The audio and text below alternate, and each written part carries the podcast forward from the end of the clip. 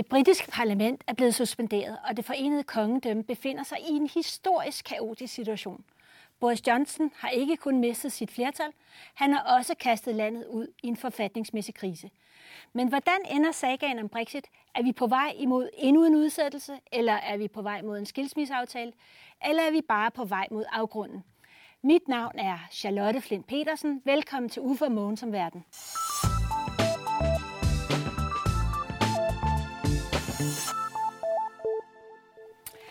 Velkommen Uffe og velkommen Mogens. Øhm, vi skal jo tale i første omgang om lidt om Brexit, og øhm, vi står i en, i en historisk mærkelig situation, hvor, hvor Boris Johnson har kastet landet ud i en forfatningskrise, hvor han på den ene side er blevet, altså han skal nå frem til en aftale inden den 19. oktober, eller også skal han bede om udsættelse, og samtidig har han erklæret, at det har han ingen ønsker om. Øhm, Uffe, da vi optog Uffe og Mogens tilbage i marts, der sagde du, at øh, vi var på herrens mark. Øh, er vi stadigvæk det? Det er vi efter min mening, og der er ikke groet noget på den, siden vi talte øh, om den sag sidst. Altså nu er parlamentet jo sendt hjem, og de nåede sådan lige at få vedtaget den der lov, der i teorien skulle gøre det umuligt for Bojo, som han hedder, øh, bare at vælte ud over afgrunden, som nogen siger i England, øh, og sige, nu er vi ude med udgangen af oktober. Men øh, lad os se, hvad han gør. Han har jo sagt, at han vil hellere lægge død i en grøft, end han vil bede om udsættelse en gang til. Og han kan jo finde på hvad som helst. Mogens, hvad, hvad har han egentlig tilbage af muligheder? Altså, kan han gøre det, som han politisk ønsker selv? Øh, så skal han jo, øh, han, han ønsker jo formentlig ikke at, at, at, at, at falde i grøften på den måde, at han, han øh, bare crasher ud.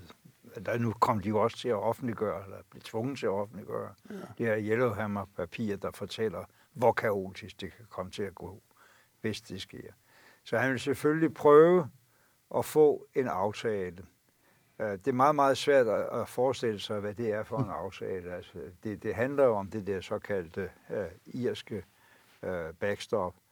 Uh, og jeg ved ikke, om, om man kan forestille sig, at man laver et, et, en, en meget kortere aftale om, om det med, at Storbritannien bliver i, i frihandelsområdet, og så ligesom beder om udsættelse på at finde en anden løsning. At, at, at, at man i virkeligheden bare laver en ny problemforskydning, hvor de godt nok går ud, øh, men hvor det der med, hvordan de går ud, i virkeligheden er udskudt. Det er, som, som jeg kan se det, næsten den eneste mulighed for en blød landing. Øh, men, men, men han har jo øh, virkelig rejst et forfatningsproblem i et land uden forfatning, hvis han bare øh, lukker munden på parlamentet, får lov til at gøre det helt frem til midten af oktober, og så bare lader Storbritannien gå ud. Fordi hvad er så konsekvenserne? Så får han en mistillidsvotum bagefter. Det vil han gerne have, for han ja. vil gerne have et valg. Omvendt, det er ikke så godt for ham, hvis valget kommer lige ovenpå Nej. et, øh, et no-deal øh, scenarie. Jeg havde faktisk troet, at øh, han ville prøve det der tryk med at fremkalde et mistillidsvotum ja. lige før parlamentet ja. blev sendt hjem, så han kunne nå at, at få et valg i en fart. Ja. Ja. Det gjorde han så ikke. Men øh, han kan jo finde på at skrive til de andre, eller til EU-landene, at øh, jeg skal bede om en udsættelse. Det har parlamentet ønsket, så det gør jeg her med. PS. Regeringen ønsker det absolut ikke. ja, ja. Det kan han finde på. Ja, hvad skal og så, de så gøre? Hvad skal EU så gøre? Altså, der var jo i forvejen dyb, dyb øh, ja, ja. mistro til, at det hjalp noget at udskyde til 31. Ja, fordi så får han det ikke, som om ikke andre Frankrig siger, nej, nej, ja. nu må vi altså tage os af alvorligere ting. Men, men det er jo meget, meget interessant, hvis han crasher ud i modstrid med parlamentet, og uanset hvad der så sker ved et efterfølgende valg, øh, som, som, og det er jo totalt øh, uklart. Altså det der med, at man troede, at nu kunne Boris lige mobilisere et flertal, i hvert fald i det der særlige engelske valgsystem, ved at samle alle modstanderne, og så var de andre splittet, og så fik han et flertal i parlamentet. Men de øh, øh, eksperter, jeg har hørt de sidste øh, øh, uges tid her, de siger jo, det ser helt uklart ud. Det kan lige være lige så rodet et parlament, som, mm. som det vi har nu, der kommer ud af et hurtigt valg. Og så er spørgsmålet, om, om, om det, at Storbritannien har meldt sig ud, øh, ikke efterlader nøjagtigt de samme forhandlingsproblemer, som ja. man, man havde før den 31. oktober. Jo. De skal jo have en aftale af en eller anden art. Jo, og der skal man jo huske på, at øh, de der aftaler, som øh, Theresa May ikke kunne få igennem parlamentet, det var jo kun aftaler om, hvordan man videre skulle forhandle ja, om ja, ja, en endelig aftale. Ja, ja, ja, ja. Det var jo ikke noget, der løste problemerne. Og der ligger jo stadig den der, det der irske problem som øh, en voldsom klods øh, for hele forhandlingerne. For han kan jo finde på hvad som helst. Ja. Øh, han kan jo finde på at sige, at hvis vi får ændret lidt i ordlyden, så kan han blæse det op til at være meget mere, end det er. Ja. Og sige, dermed har vi fået det, vi ønsker. Det er jo ikke utænkeligt, for det, ja. eneste, der rigtig interesserer Boris Johnson, det er at forblive premierminister. Ja. Altså, han, han er jo ikke inkarneret modstander. Han har altid været et brokhoved, men han er ikke inkarneret modstander. Han har brugt det, fordi han følte, at det var den vej, vinden blæste. Men... Og, og, og, og det, det, han er jo nu, det var der i hvert fald nogen sagkyndige, der, der sagde til mig her i forgangen uge, uh, han er nu i en situation, hvor, uh, hvor han ikke længere overlever alligevel med uh, de nordirske uh, unionister, dem der uh, under ingen omstændigheder vil have en særstilling i forhold til resten af det forenede kongerige. Og det vil sige, at der er en mulighed for at erstatte backstop med at give Nordirland en særlig tolvstatus. Ja. Ja. Den, den løsning eksisterer nu. Det gjorde den ikke for May, fordi hun var uh, afhængig af dem der. Og så er der den mulighed, hvis der kommer et valg, at uh, Nigel Farage og hans uh, Brexit Party, som har afløst uh, det, det gamle UKIP, at de laver en eller anden smart deal med de konservative om, at de steder, hvor det ser ud til, at de vil stjæle stemmer fra hinanden, så mm. nogle andre løber med mandatet, jamen der holder Brexit Party sig væk mm-hmm, mm-hmm. og anbefaler i stedet for, at man stemmer på en konservativ Brexiteer. Og så er det nemlig de andre splittelse, altså Labour og de liberale, så er det det, der gør, at de så ikke får folk ja. ind. Ja. Så øh, hvis der laves den slags numre, og det er sådan noget, der lige ligger til højre fod for Boris, øh, Boris og, og for, Nigel, ja, ja. Og, og så for den der øh, kardinal, de har siddende i Downing Street 10 nu, som jo også var, kan vi sige, den onde ånd i hele Brexit-kampagnen, og som er ekspert i den slags små juleleje. Det er noget med, at han har lavet sådan en decision tree, altså en ja. beslutningstræ, som, ja.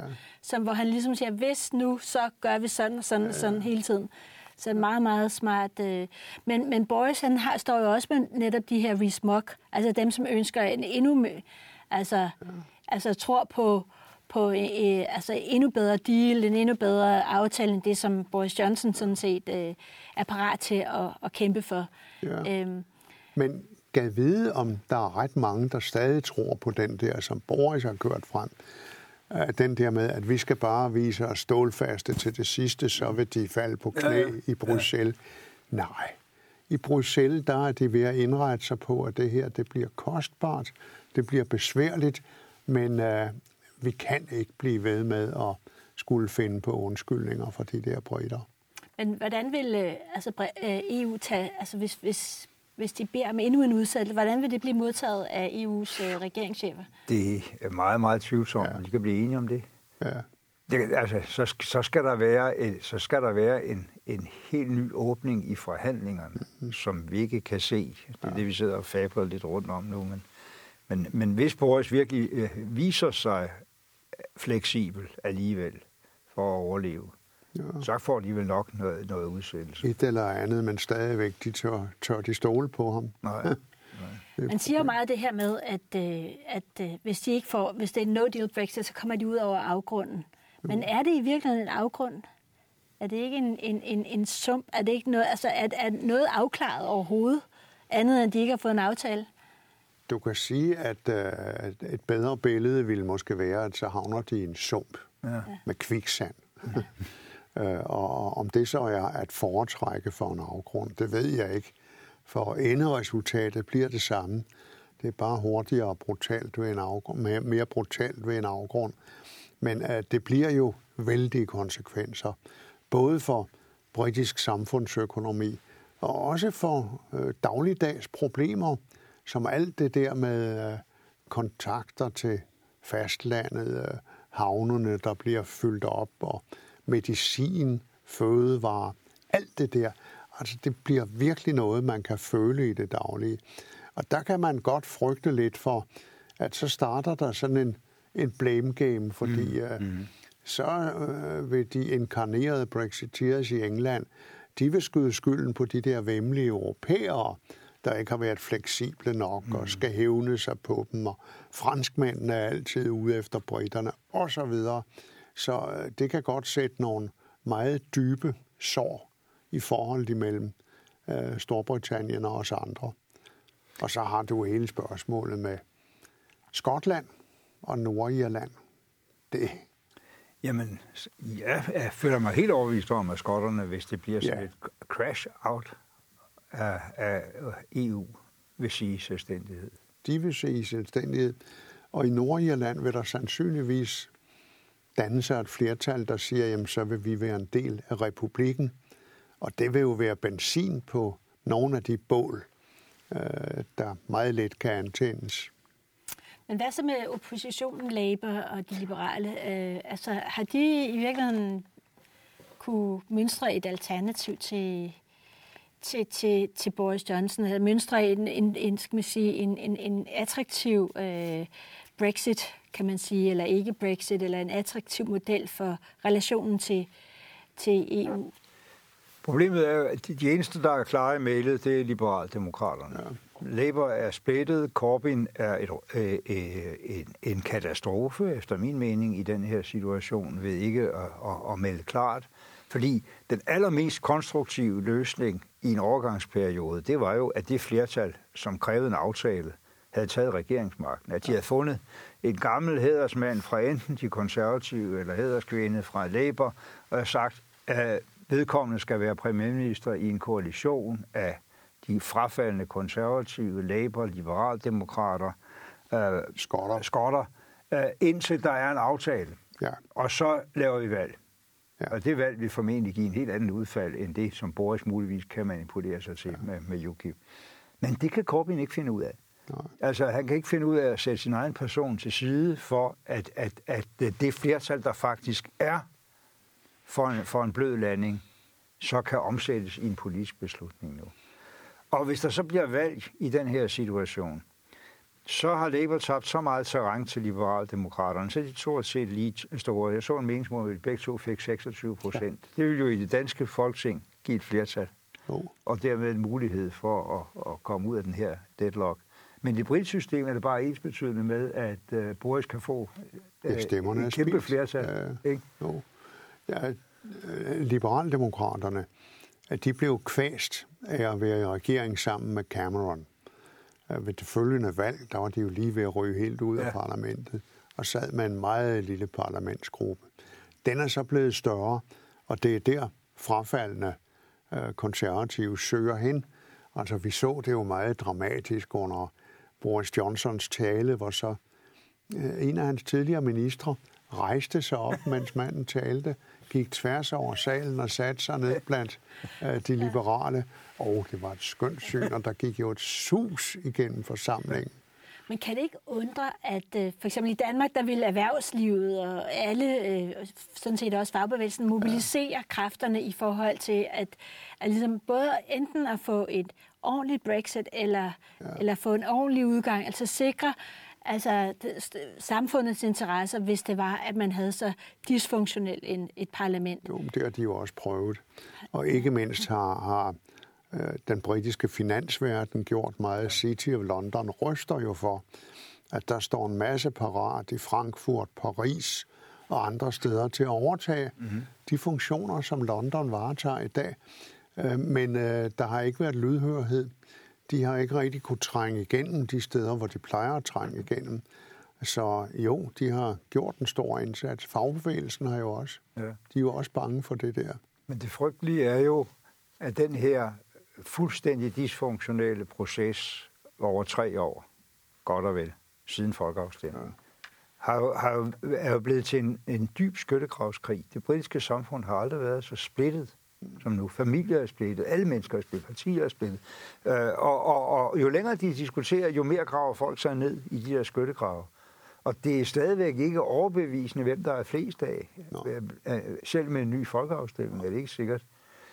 Uh, det man kunne, uh, hvis man virkelig skulle ønske, så var det jo, at Boris fik lov til at lave det der crash out, fordi de, de næste gang de mødes i parlamentet, og han beder om en mistillidsvotum, ligesom masokisten til sadisten siger nej.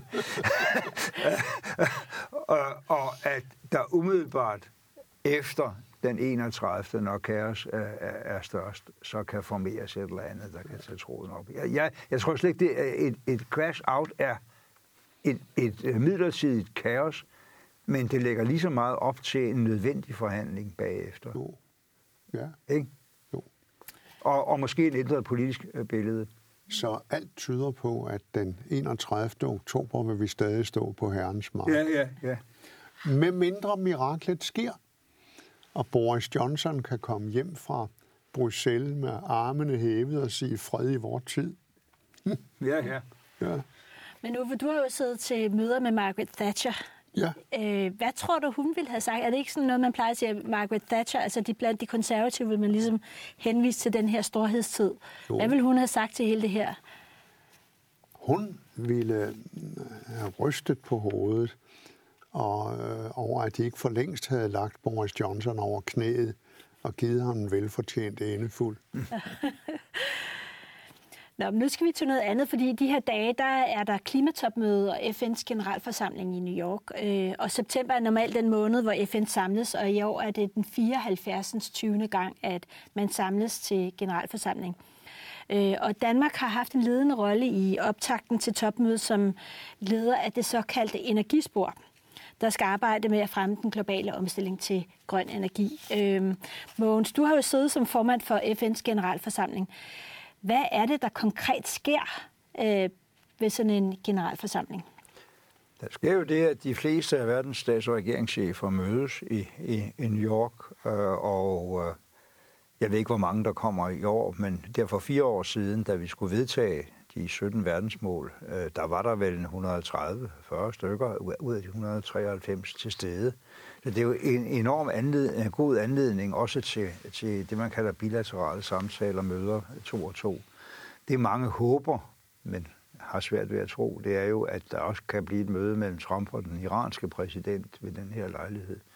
Og så vil det selvfølgelig handle om klima, fordi nu er vi fire år henne i forhold til øh, verdensmålene, øh, som vi fik vedtaget i starten af min tid, og, og klimaaftalen, som fik december 15.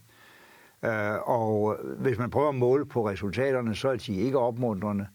Omvendt er der en enorm mobilisering i gang hos virksomheder øh, og hos civilsamfund og hos borgmestre og også i hjemme i USA, hvor Trump ligesom har meldt sig ud af det hele igen. Der, der er der også hos guvernører og, og storbyborgmestre et vældigt engagement i det her. Så vi er måske ved et vendepunkt. Måske ved et vendepunkt. Og Danmarks rolle er jo interessant, fordi uanset hvad man i øvrigt mener om den nye danske regering, og det mener vi to måske lidt forskelligt om, men, men så er det den, der har annonceret det mest ambitiøse mål for, for at nedbringe øh, CO2-udslip. Øh, jeg ved ikke, om de kan nå det, men, men, men, men, men det ligger jo i hvert fald op til, at hvis man overhovedet vil i den retning, så skal man gennemføre nogle meget dramatiske ændringer i folks adfærd, øh, i afgifter og subsidier i forskningsindsats osv. i løbet af de næste år.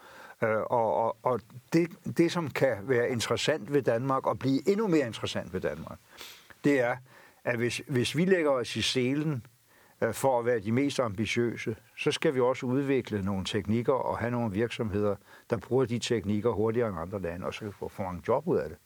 Altså, der er en enestående chance for, at, at vi igen, ligesom med vindmøllerne, ligesom for meget af vores industri, fordi vi har høje ambitioner for os selv, så vil vi også blive dem, der leverer øh, løsninger til resten af verden. Tænk, hvad vi i dette øjeblik, de to store danske virksomheder, øh, Ørsted og, og, og dem, der hedder øh, Copenhagen øh, øh, Infrastructure, hvad de er i gang med at rejse af mega store øh, øh vindmøller på havet i Østasien, på østkysten af Amerika osv. Vi er blevet allerede på det punkt verdensførende.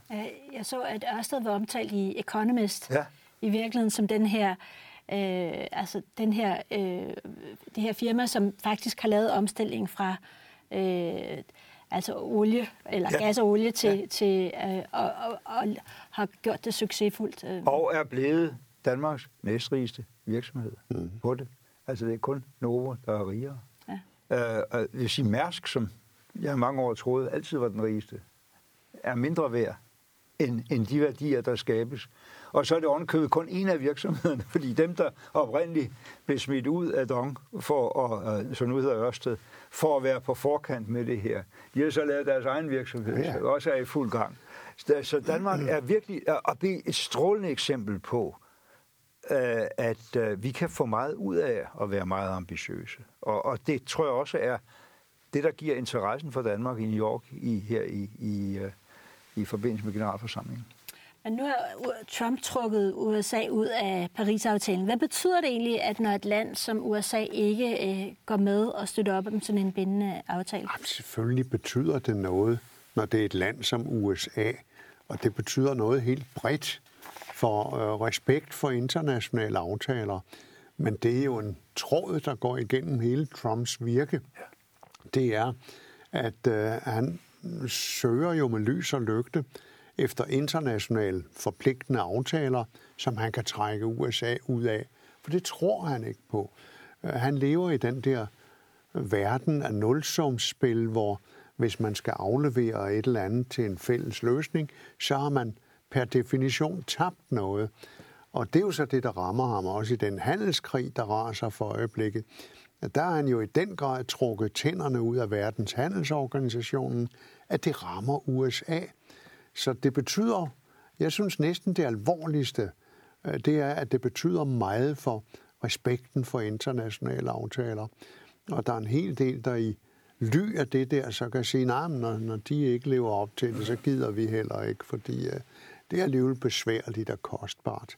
Så det er noget skidt, når uh, en stor ansvarlig nation som USA indgår aftaler, så skal de holde dem for at sætte et godt eksempel. Og når de ikke gør det, så kan det blive kostbart med det dårlige eksempel, de så sætter. Jeg tror, man, man skal hæfte sig ved, øh, at, at det bliver meget, meget skadeligt, hvis, hvis Trump virkelig skulle fortsætte som præsident, mm. og så går fire år til, ja. hvor USA's regering ikke i alle internationale sammenhænge er med i front. Vi fik jo kun de her aftaler i 15, fordi USA og Kina, og selvfølgelig også Europa, havde en fælles dagsorden, vi kunne samles om.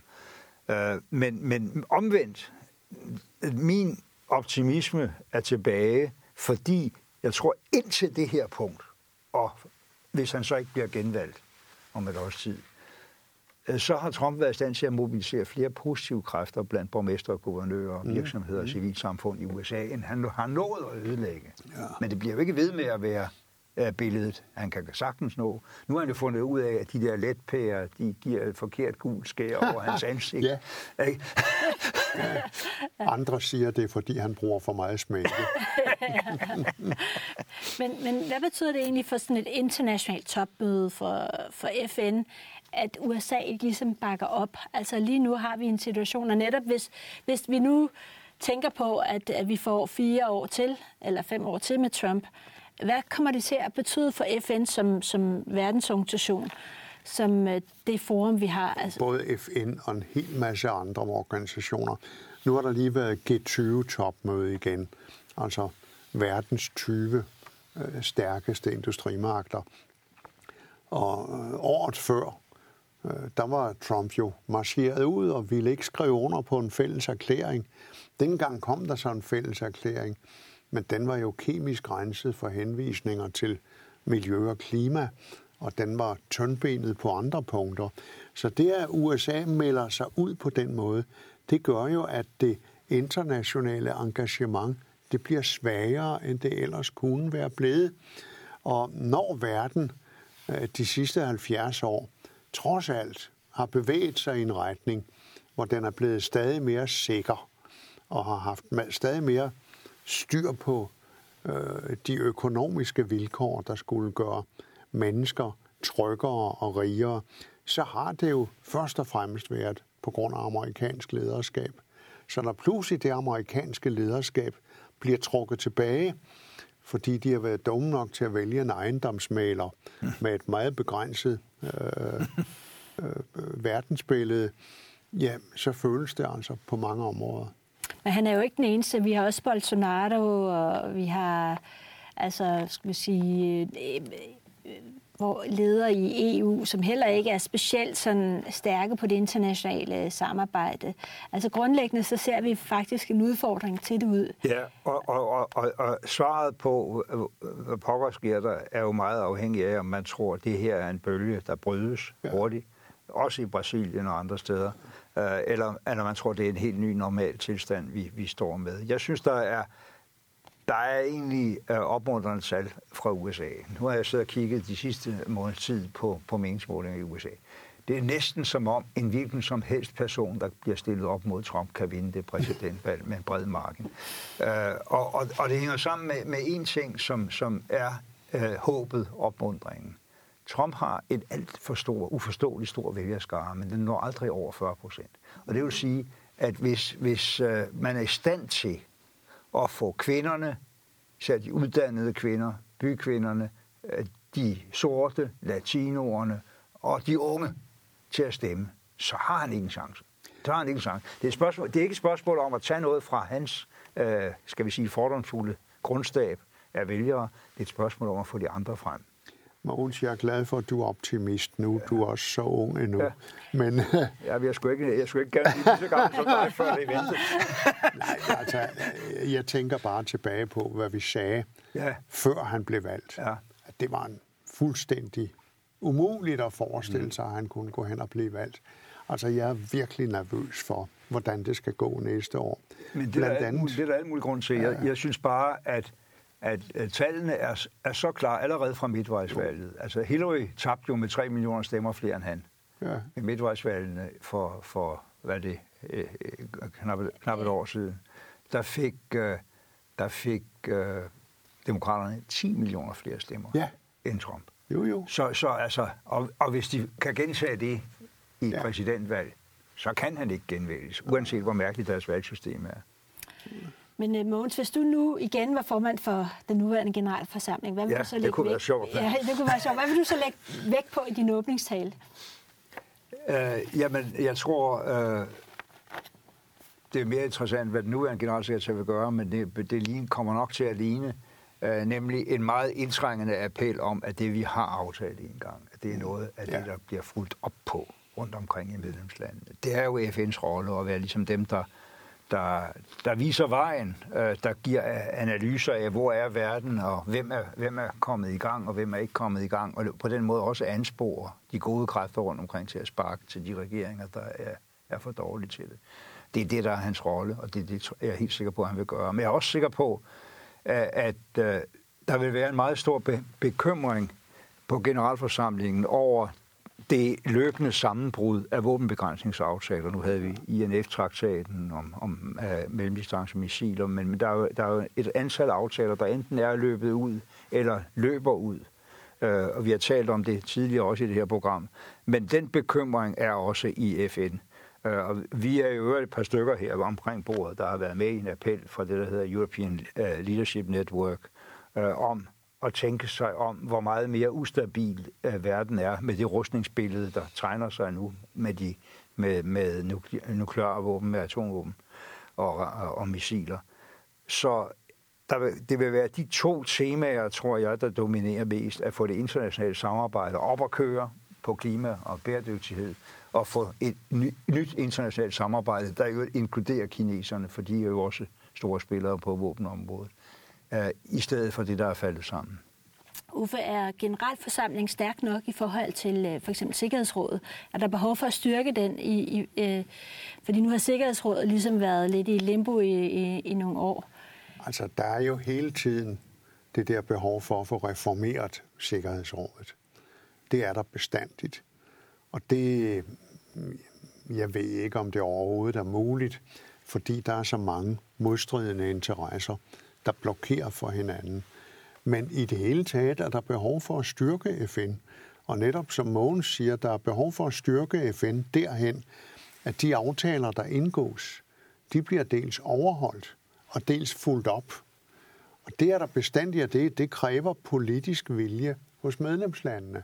Og først og fremmest hos de store medlemslande. Og først og fremmest selvfølgelig hos det medlemsland, der hele tiden har været det største og stærkeste, nemlig USA. Og det er derfor, man jo altså skal øh, inkludere i sin aftenbøn, at der kommer en ny præsident i USA, som interesserer sig for internationale forhold, og som øh, accepterer, at USA har et særligt ansvar og en særlig rolle at spille. Uh, Mogens, du var jo, altså oplevede du et behov for at styrke øh, generalforsamlingen? Generalforsamlingen har faktisk prøvet at styrke sig selv. Det har man begrænsede muligheder for i, i, i FN's forfatning, fordi Sikkerhedsrådet har øh, nogle nøglebeslutninger, alt hvad der handler om fred og sikkerhed. Øh, men, men utålmodigheden med Sikkerhedsrådets øh, stillstand, mangel på enighed, var stor for fire år siden. Den kan ikke være mindre nu. Øh, og Sikkerhedsrådsreform der, der kommer ikke til at ske det, at FN's Sikkerhedsråd øh, får, beslut, øh, får, får lov til at få flere permanente vetoberettigede medlemmer. Øh, der kommer forhåbentlig til at ske det, at FN's Sikkerhedsråd bliver udvidet med et eller andet antal medlemmer, så den bliver mere repræsentativ for hele verden, og at store lande, som for eksempel Indien, har mulighed, eller alle lande, men, men med størst chance, store lande, der i dag ikke er permanente medlemmer, får mulighed for at være permanente medlemmer, fordi de kan genvælges. Ja. Men, men det, det er det længste, jeg kan se, mm. der vil ske. Altså, når jeg rejste rundt i verden og snakkede med de store om det her, ja, så var det klart, at i Japan, i Indien, i Tyskland, også i Brasilien, hvor jeg ikke nåede hen, der siger de, at nu har vi talt i 25 år, om vi skulle være med. Se så at få gang i det. Ja. Men man rejser til, til Beijing, øh, så siger de, du skal ikke skynde dig med det. Men apropos sikkerhed og sikkerhedsråd, så skal vi også lige nå at runde Israel, øh, hvor der skal være valg her ja. den 17. september. Øh, fordi efter forårets valg, så måtte øh, premierminister Netanyahu for, øh, altså prøve at udskrive nyvalg, fordi han ikke kunne finde et flertal. Øh, Hvorfor var det så svært for, for Netanyahu at, at skabe et øh, flertal i det nuværende parlament? Jo, det var det vel først og fremmest, fordi øh, øh, den der meget interessante skikkelse, som hedder Avigdor Liebermann, øh, han ville ikke støtte Netanyahu, fordi han kunne godt se, hvad Netanyahu var ved at blive lidt desperat over. Han havde brug for at danne regering, for han skulle have gennemført en lov, der sagde, at så længe man sidder i regering, kan man ikke blive retsforfulgt. Han har nogle meget ubehagelige korruptionssager hængende over hovedet, og i samme øjeblik, han ikke er i regering mere, bang, så bliver han formentlig tværet ud af de sager. Og Liebermann der, han er jo en interessant mand, fordi øh, han, er, han har været udenrigsminister, han har været forsvarsminister, han stammer fra Moldova. Øh, han er i høj grad repræsentant for de mange russiske jøder, der er kommet til Israel i de senere år. Og så gør han meget ud af, at han er sekulær. Det vil sige, altså han nyder at bryde sabbaten. Meget demonstrativt, fordi øh, og han gør, hvad han kan for at genere de der øh, øh, øh meget øh, rettroende øh, jødiske grupperinger, Øh, Øh, der for eksempel har haft held til, fordi de har siddet på nøglepositioner i knæset øh, og, og, og, og sikret deres unge øh, frihed for at aftjene værnepligt og andre ting. Så øh, der ramler han jo lige præcis ind i en af de bølger, der er i Israel. Og så er der en anden gruppering, der var imod Netanyahu. Øh, det er den, der er, er det ikke rød-blå, Nej, øh, blå-hvid. Blå-hvid, de kalder ja. sig. Øh, under ledelse af Benny Gurt, som er tidligere forsvarschef, og med en helt stribe perlerække af gamle generaler og gamle efterretningschefer, som vil af med ham der, Netanyahu, fordi han er en uh, trussel mod Israels sikkerhed, og hans håndtering af det palæstinensiske spørgsmål ser de som en blokade for at komme videre Øh, i, øh, i øh, de spørgsmål. Så Netanyahu var pludselig kom de mindretal på de områder der. Og det er da meget spændende, om han stadig vil være i mindretal efter det valg her. Fordi det er altså en stærk opposition, der er ved at være oppe imod ham. Og først og fremmest så er det en, en, en opposition, der også er savligt stærk. Altså de der blåhvide, det er kname folk, der ved, hvad de taler om. Så det bliver et vanvittigt spændende valg. Det er klart, det, det vil være meget interessant for en længere fremtid i israelsk politik, hvis man kan bryde uh, Netanyahus uh, magtposition. Mm. Både i forhold til at få normaliseret vilkårene for de, for de, uh, de, de der uh, rettroende, uh, men også med at få dem med ind, som faktisk kan se, det er nødvendigt at anerkende mm. palæstinensisk stat. Det kommer så ikke til at ske lige med det samme. Så længe vi har Trump, så, så er der ikke rigtig nogen af toneangivende i Israel, der øh, vil for alvor give ind her. Men, men det er klart, hvis vi bare kan få dem med ombord, mm. så er der en chance, som jeg slet ikke kan se i dag, der er, så længe Netanyahu kører. Øh, fordi han har jo myrdet to-statsløsningen. Hans, hans øh, politik øh, med bosættelser og planer om at indlæmme området langs Jordanfloden, det er jo at omdanne de palæstinensiske restområder til noget meget småt, noget meget indmuret, øh, der ligner sådan Bantustans i, i, i apartheid Sydafrika. Øh, men, men, mens andre, som nu for eksempel her øh, forleden i, i politikken, den gamle sikkerhedschef øh, Carme Gillon, Øh, som var Dan, øh, Israels ambassadør i, i København, det var da jeg var udenrigsminister, øh, siger, at vi, vi får aldrig fred øh, i det her land, hvis ikke vi, vi giver palæstinenserne en stat. Men han sagde noget meget interessant i det interview. Han sagde, altså, nu skal man jo heller ikke tro på alt, hvad der bliver sagt i sådan en valgkamp. Når Netanyahu går ud og siger, at han ønsker at ændre øh, den østligste del af Vestbrøden og gøre det til fast. Altså det, der er besat i dag, det vil han gøre til en del af Israel. Ah, det er sådan noget, han siger. Det vil han aldrig få lov til af amerikanere, af europæere, af alle de andre, der simpelthen ikke vil give ham lov til det. Så det bliver ikke til noget. Det er valgkampsplader. Men det kan man jo håbe. Men, det kan man med håbe. Trump kan man sige, der kan man ikke være helt sikker på, at han ikke får lov til, hvis han får lov til at fortsætte. Nej, det, og, og det er jo problemet, at det der fuldstændige medløb, vi har set Trump give Netanyahus politik ja. nu i, i, i to-tre år. Men han er jo også lige i går, mener jeg, øh, underskrevet en aftale om, at nu må man lave endnu en bosættelse. Ja, ja. Øh, så man kan også sige, at den der gradvise skal man sige, bosætter øh, betyder jo også, altså i, reelt, at den der, at, at den der to-statsløsning ja. bliver sværere og sværere. Ja. Det er lidt mærkeligt, at han gør det, fordi han er jo også interesseret i at få et udviklet samarbejde med de arabiske stater, Saudi-Arabien og andre. Og, og de er jo ikke begejstrede for det der. Nej, man, man, man, man har jo den uh, ubehagelige fornemmelse af den der uh, uh, ubehagelige kronprins i Saudi-Arabien og diktatoren i Ægypten faktisk er, er ligeglade med den palæstinensiske sag. Og det er det, israelerne prøver at, og, eller Netanyahu-regeringen prøver at udnytte nu. Øh, men, men det er klart, det burde give en voldsom reaktion. Ja. Det ville under alle normale forhold have givet fra, fra også golfstaterne. Ja. Altså den arabiske liga har vist reageret på, ja, ja. på udmeldinger om, om annektering af Jordandalen. Ja, men den arabiske liga er et, et, et, et tandløst øh, ja. organ. Ja. Fordi hvis Saudi-Arabien og Ægypten, som henholdsvis det rigeste og det mest folkerige arabiske land, ikke bakker op om palæstinenserne for alvor, så er de fortabt. Ja. Øh, men nu har altså Netanyahu har sådan set siddet i øh, som den længst, altså den premierminister længst tid overhovedet, altså i fem perioder. Øh, hvad er Netanyahus politiske arv? Altså arven efter Netanyahu. Ja, hvis man skal sige, at han ikke øh, fortsætter, han bliver dømt for korruption her lige om lidt. Så Jamen, aldrig... arven, hvad, mener jeg, vil være, at øh, han øh, efterlod Israel øh, bokset ind i et hjørne, fordi han havde lukket af for de muligheder, der var for at, at finde en forståelse med palæstinenserne. Øh, og derfor vil han have skabt en situation, hvor øh, Israel ikke kan slippe af med det store antal ikke-jøder, som er statsborgere i Israel, og hvor Israel derfor mere og mere nærmer sig en, en situation, hvor, hvor det ikke længere er en demokratisk stat med lige rettigheder til alle.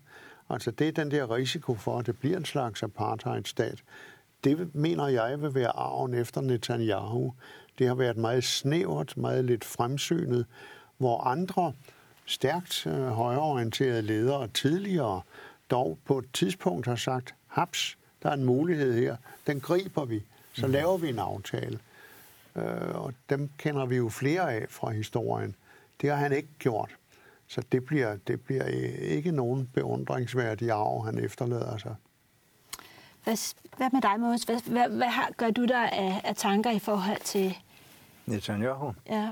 Jamen, jeg betragter ham uh, ind til det her punkt uh, som en af de største risici for verdensfreden, fordi Øh, dels han ikke har viljen til at prøve at få sig udsoning der, hvor han selv hersker, øh, og, dels fordi han har malet det der billede og fået opbakning fra Trump og opfang fra saudierne op af Iran som den store djævel.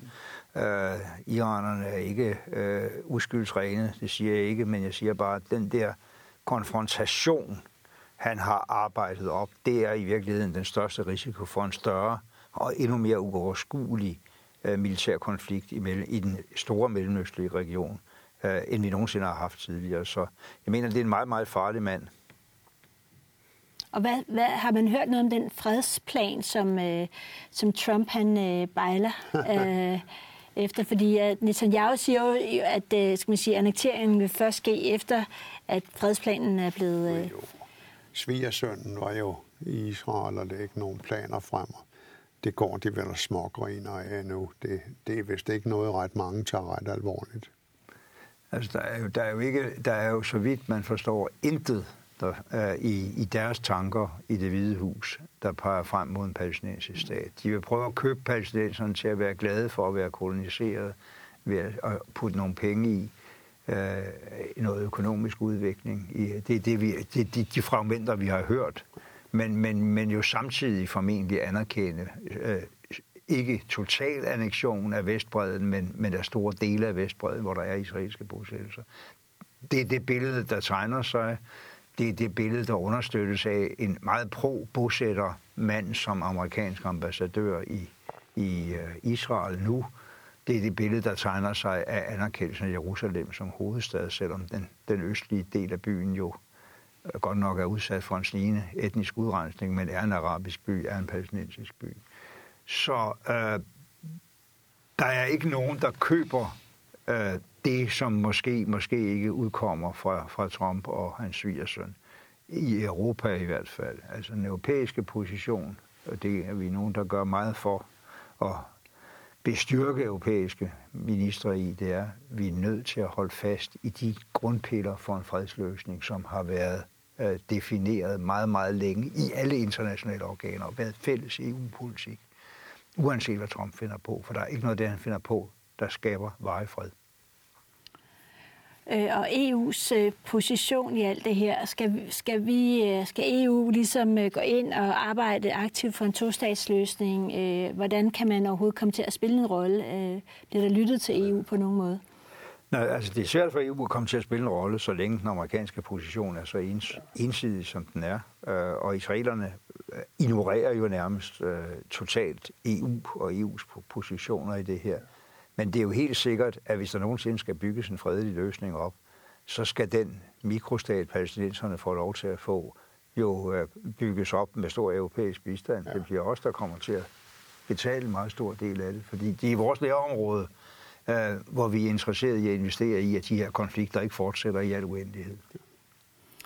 Øhm, så til en anden situation, som også har en lille smule sammenhæng, fordi det handler blandt andet om Iran. Øh, men lørdag der blev halvdelen af Saudi-Arabiens olieproduktion sat i flammer ved 10 droneangreb, øh, udført af Houthi-oprørerne. Øh, og Trump har antydet, at det er øh, altså et muligt militært modsvar i, øh, og placeret ansvaret i Iran. Jo. Hvorfor gør han det? Jo, altså, jeg må indrømme, jeg synes også, det lyder meget sandsynligt, at øh, iranerne, eller i hvert fald det, den iranske revolutionsgarde, på en eller anden måde står bag. Øh, fordi det er ikke noget, øh, sådan en oprørsbevægelse i Yemen, nemlig hutierne, uden videre kan tage ud af ærmet og sætte i gang. Øh, der var tale om et angreb, der blev udført med øh, en afstand på over 500 km fra, hvor hutierne befinder sig. Øh, droner, meget avancerede droner, der altså slår så stor en del ud af øh, den øh, saudiarabiske olieproduktion, at mandag morgen, da øh, børserne åbnede rundt omkring, der strøg olieprisen i vejret øh, så kraftigt, som det ikke er set i de sidste 30 år.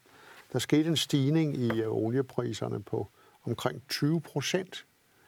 Øh, og, og, og okay, så rettede det sig op noget senere, USA begyndte at lukke op for nogle af nødlagerne for at holde prisen i ro. Men den umiddelbare reaktion, det var det her. Og det er altså noget, der virkelig kommer til at, at, øh, ryste verdensøkonomien.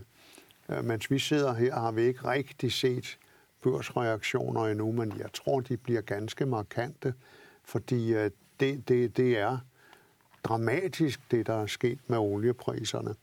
Og så er der det politiske. Fordi øh, øh, saudierne har jo heller ikke været sene til at sige, at det er iranerne, der står bag det her. Og iranerne har ikke rigtig benægtet det. Og det er klart, baggrunden for det, det er jo den ulyksalige krig, der føres i Yemen, som jo er en, øh, en øh, forfærdelig blodig krig, som Saudi-Arabien har stået i spidsen for, for at få de der øh, iransk støttede oprørere trængt ud af hovedstaden Sana, som de havde erobret. Og det, øh, det er sådan noget, der lidt er øh, øh, undgået verdens opmærksomhed. Hvor uhyggelig den krig, og hvor brutal den krig har været. Så nu får man pludselig øje for det. Nu bliver, bliver man ramt på pengepunkten. Men der er også noget ganske tankevækkende i, synes jeg, at uh, moderne midler, altså, så sender man droner i stedet. Ja, ja.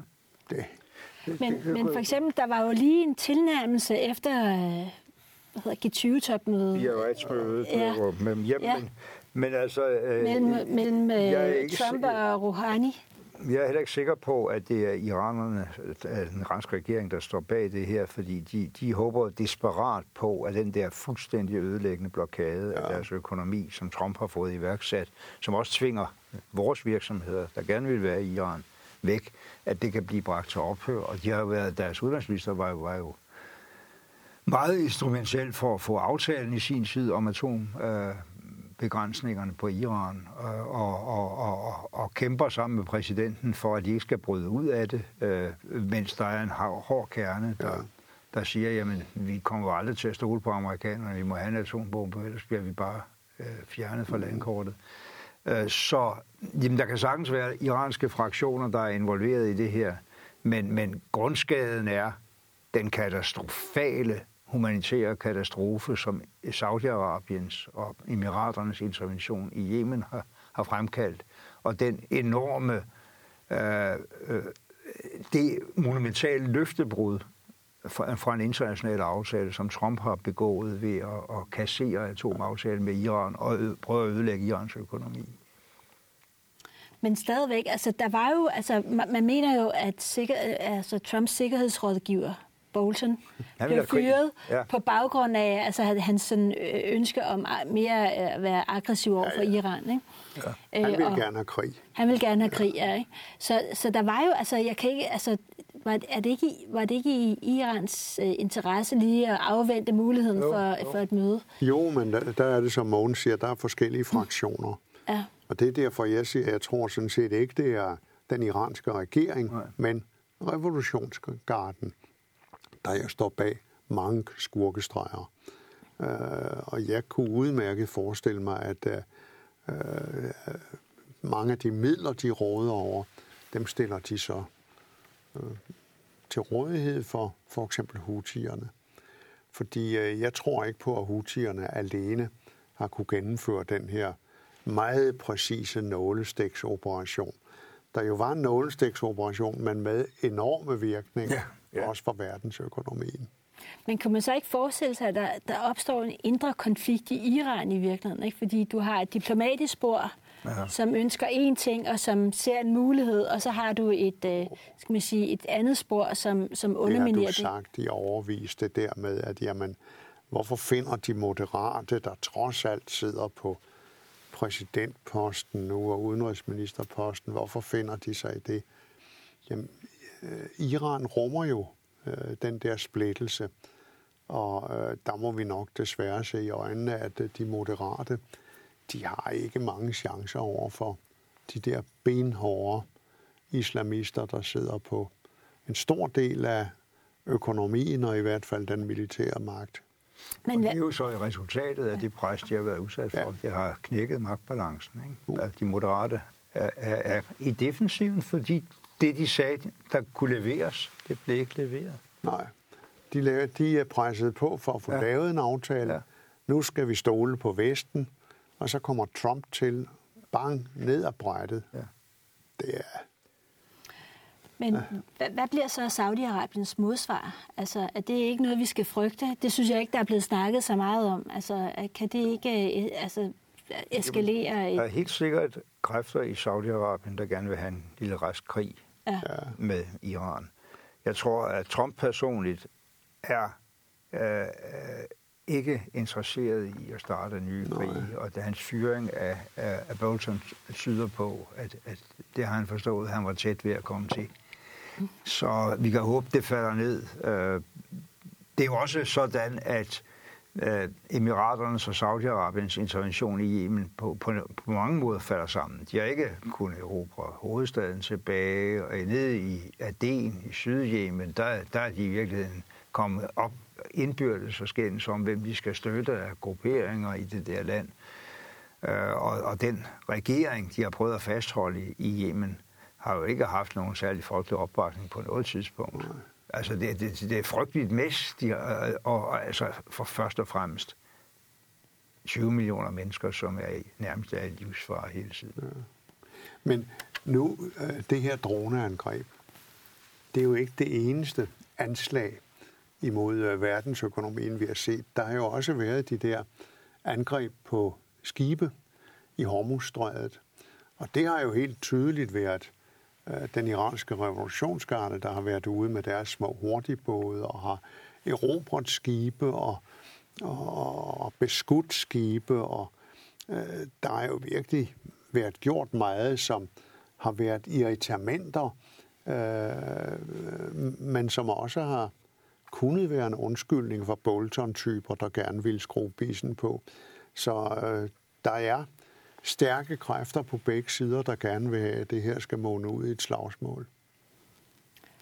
Og hvem vil vinde? Der er, ikke nogen, der er ikke nogen, der vil vinde. Altså, man kan, så, uh, Irans militær er ikke voldsomt stærkt. Altså, man kan sagtens øh, øh, ødelægge stor, øh, stor del af deres militære installationer og styrker ved en krig. Men Iran er et land med 80, 85 millioner indbyggere, større end nogle af dem, man har prøvet at få kontrol over i den region fra Afghanistan til Irak til Syrien osv. Øh, Så det er en fuldstændig uoverskuelig, voldsom konflikt, som vil øh, styrke nationalisme og sammenhold omkring de mere ekstreme kræfter i Iran, som vil, vil øh, skærpe konflikter, sunni og shia. Alt det, vi, vi prøver at undgå, det vil være Og som være jo forværret. sidder mange steder, hvor de kan skabe Ja. virkelige Ja, problemer. ja, ja. Syrien, Irak Ja. og så videre. Med- med små midler, ligesom de her Små angreb. midler, kutbrigader, Ja, ja. historier, og, og terror. Altså, de kan jo udløse en terrorbølge over det meste af verden, øh, som jo vil være, så kan man sige, som Mogens siger, at deres militær, der de er ikke så stærke, de kan slås ned, men de kan sandelig svare igen med en terror, som vil være spar to til, hvad vi har set tidligere. Det vil formentlig ikke være terror, som vi har set fra sunni-islam ekstremisterne. Det vil være en nålestik mod installationer mm. af forskellige slags, mm. som kan ligne det, der er sket i Saudi-Arabien. Men samtidig så har jeg så indtryk af, at Saudi-Arabien siden Khashoggi-affæren, journalisten, der blev myrdet øh, i, øh, i Tyrkiet, øh, faktisk ikke har haft den samme opbakning blandt øh, de andre golfstater. Øh, så, så, så har vi i virkeligheden at gøre med, med to lidt svækkede stormagter i en i region? Jamen, Trump er jo så begejstret ja. for, at saudierne vil købe for 110 milliarder ja. dollars våben. At det er næsten ligegyldigt, hvad de gør ja. af afskyeligheder, så vil han støtte det. Men det er klart, der er nogen, der er nogle brydninger, apropos det, jeg sagde om Yemen, øh, nede i Aden i ja. Yemen, mellem hvem saudierne støtter og hvem emiraterne støtter. Men i forhold til ønsket om konfrontation med Iran, tror jeg ikke, der er den store forskel. Mm. Det er jeg bange for, der ikke er. Nø, og man så jo også ved G20-topmødet, at, uh, hvor, hvor der sådan var tale om, at nu skulle den der kronprins fryses lidt ud. Ja. Nej, nej. Der for Trump mange, var der. For mange penge i ham. tak Uffe, og tak Mogens, og tak fordi I så med i Uffe og Mogens om verden.